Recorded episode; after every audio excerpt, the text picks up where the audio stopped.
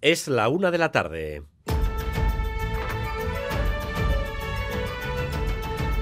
Crónica de Euskadi con Dani Álvarez. A León, el mes de enero que acabamos de terminar marca otro hito en una tendencia que no puede ser casualidad. Enero ha sido casi 3 grados más caluroso que la media habitual. Esas medias se han superado en varios días, no un grado ni dos, sino 5 y hasta 10. Empieza a ser ya una constante que cada mes que pasa bata una marca que ya había superado el registro anterior. Que esto no es un hecho aislado lo constatan en Euskalmet, como decía Orinche Salazar esta mañana en Boulevard. Y además hay que tener en cuenta que llevamos 11 meses de forma consecutiva con meses más cálidos. Tan solo el año pasado, enero y febrero, fueron aquí en Euskadi más fríos y a partir de marzo del 2023, de forma consecutiva, estamos teniendo meses más cálidos que la media. 11 meses seguidos en Euskadi más cálidos de lo normal. Hace unos días les hablábamos de cómo la naturaleza va adelantando plazos, floraciones, migraciones de aves debido a este tiempo inusual. Los baserritarras también lo notan. Algunos no saben ya ni qué plantar ni cuándo, porque todo les sale antes de lo previsto. Como estos días, te viene calor, igual te salen los brócolis que antes cuando los estabas esperando para febrero. Te adelantan las cosas, te atrasan o se abre. Igual con el frío te mantiene tres o cuatro días, una semana, pues calcular para dos semanas para venderlo y te viene un día de estos y se te abren las goles y las tienes que quitar o vender. Aunque dentro de lo que cabe nuestra situación no es tan precaria como la que tienen otros países del sur y del Mediterráneo ante la sequía y la falta de nieve. Cataluña acaba de decretar la emergencia emergencia por sequía. Irache Ruiz. Decisión que llega después de casi 40 meses de muy poca lluvia. Cataluña atraviesa la peor sequía del último siglo. no havíem afrontat mai una sequera tan llarga i de tanta intensitat. Més de 3 anys en els que no plou como el país necesita. El presidente aragonés pide un esfuerzo a la ciudadanía. En 200 municipios de Barcelona y Girona se limitará el uso del agua a 200 litros diarios. Queda prohibido lavar coches, regar jardines y las duchas de más de tres minutos en los gimnasios. Y esto confluye con el malestar creciente del sector primario en Europa. Después de las tractoradas en Francia, hoy han ido a tomar Bruselas y la sede de la Unión está viendo, viviendo un bloqueo de agricultores desde primera hora de la mañana. Bruselas, Amaya, Portugal. Si tensa calma por ahora en el barrio europeo de Bruselas, cientos de tractores tienen tomada una de las calles principales entre el Parlamento Europeo y el Consejo, donde se reúnen los líderes de los 27 en cumbre extraordinaria. Pero están parados esos tractores por ahora. El resto de arterias principales de la zona ya estaban cerradas de antes por precaución. Ambiente algo más caldeado en la Plaza Luxemburgo, ante la sede de la Eurocámara, con neumáticos apilados y alguna que otra pequeña explosión en fogatas improvisadas. Pero lo dicho, por ahora la protesta de los agricultores está siendo masiva, pero tranquila.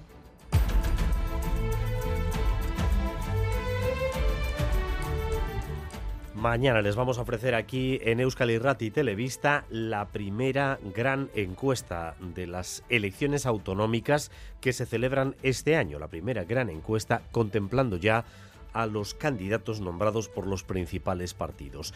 Y hoy se lanza oficialmente la carrera hacia la presidencia de la Junta de Galicia. Comienza una campaña electoral que va a estar inevitablemente contaminada por la situación política en España, con el gobierno de Pedro Sánchez afectado tras la no aprobación de la ley de amnistía.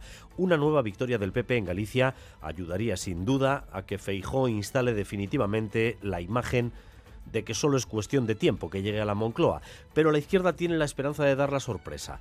Nuestra compañera Nerea Sarriegui ha tenido la oportunidad de hablar en estas horas previas con el líder histórico del nacionalismo gallego, José Manuel Beiras, que fiel a su estilo sigue dominando como nadie el arte de bautizar a sus adversarios. Alfonso Rueda, yo le llamo primo de Rueda. Alfonso Rueda es un ninguén, como llamamos en Galicia. ¿Qué pasa? Es un tipo frío, absolutamente frío, inexpresivo. Es la misma imagen que Fijó, ¿no? No tiene escrúpulos de ningún tipo, son como androides. Más presencia policial de la habitual en las calles de Vitoria hoy, en la previa del Vasconia contra el Maccabi. La afición vasconista, que nunca ha tenido demasiada simpatía por el equipo de Israel, quiere aprovechar la cita para clamar contra la operación arrasar Gaza en la que está el ejército de ese país. Miquel Saez. La plataforma BDZ Araba e Indar Basconia han pedido a los aficionados que entren cinco minutos después de la hora oficial del inicio del partido y que una vez dentro griten la palabra genocidio cada vez que el conjunto macabeo tenga la posesión de la pelota. Así las cosas, el choque de esta tarde noche en el Bues Arena va a estar marcado por unas excepcionales medidas de seguridad, además de la seguridad eh, propia que acompaña siempre al Maccabi de Tel Aviv en todos sus desplazamientos. Patrullas de la Archancha se encuentran en el exterior del hotel donde se aloja. La policía local, por su parte, triplicará sus efectivos para garantizar la seguridad en el desplazamiento en autobús al pabellón.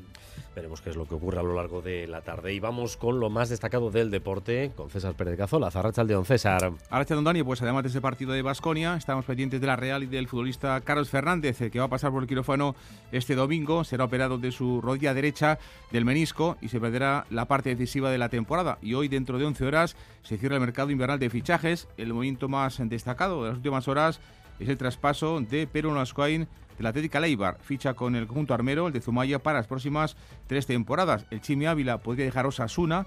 Hoy no se ha entrenado con el resto del equipo en Tajonar, con destino al Getafe. Y otro que también podría salir es Luis Rioja, el eh, jugador sevillano, el jugador del Alavés, con destino al Betis. El gobierno vasco presenta Museo TIC, una nueva plataforma digital que recoge obras de arte, piezas, objetos, cartas o documentación de cerca de 40 museos y entidades patrimoniales de Euskadi.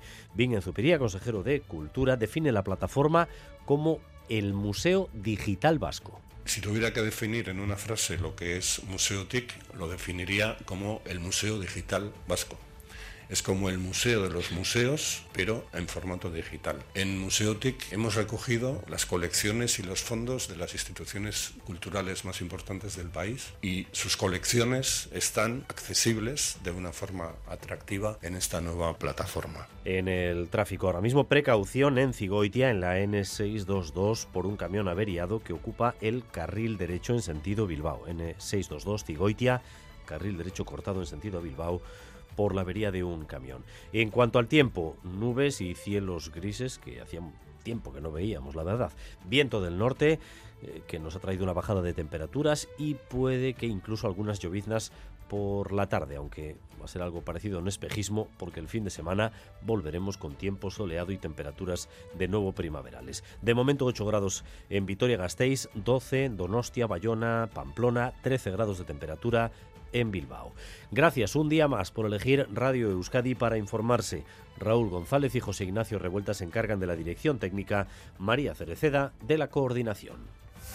Crónica de Euskadi con Dani Álvarez.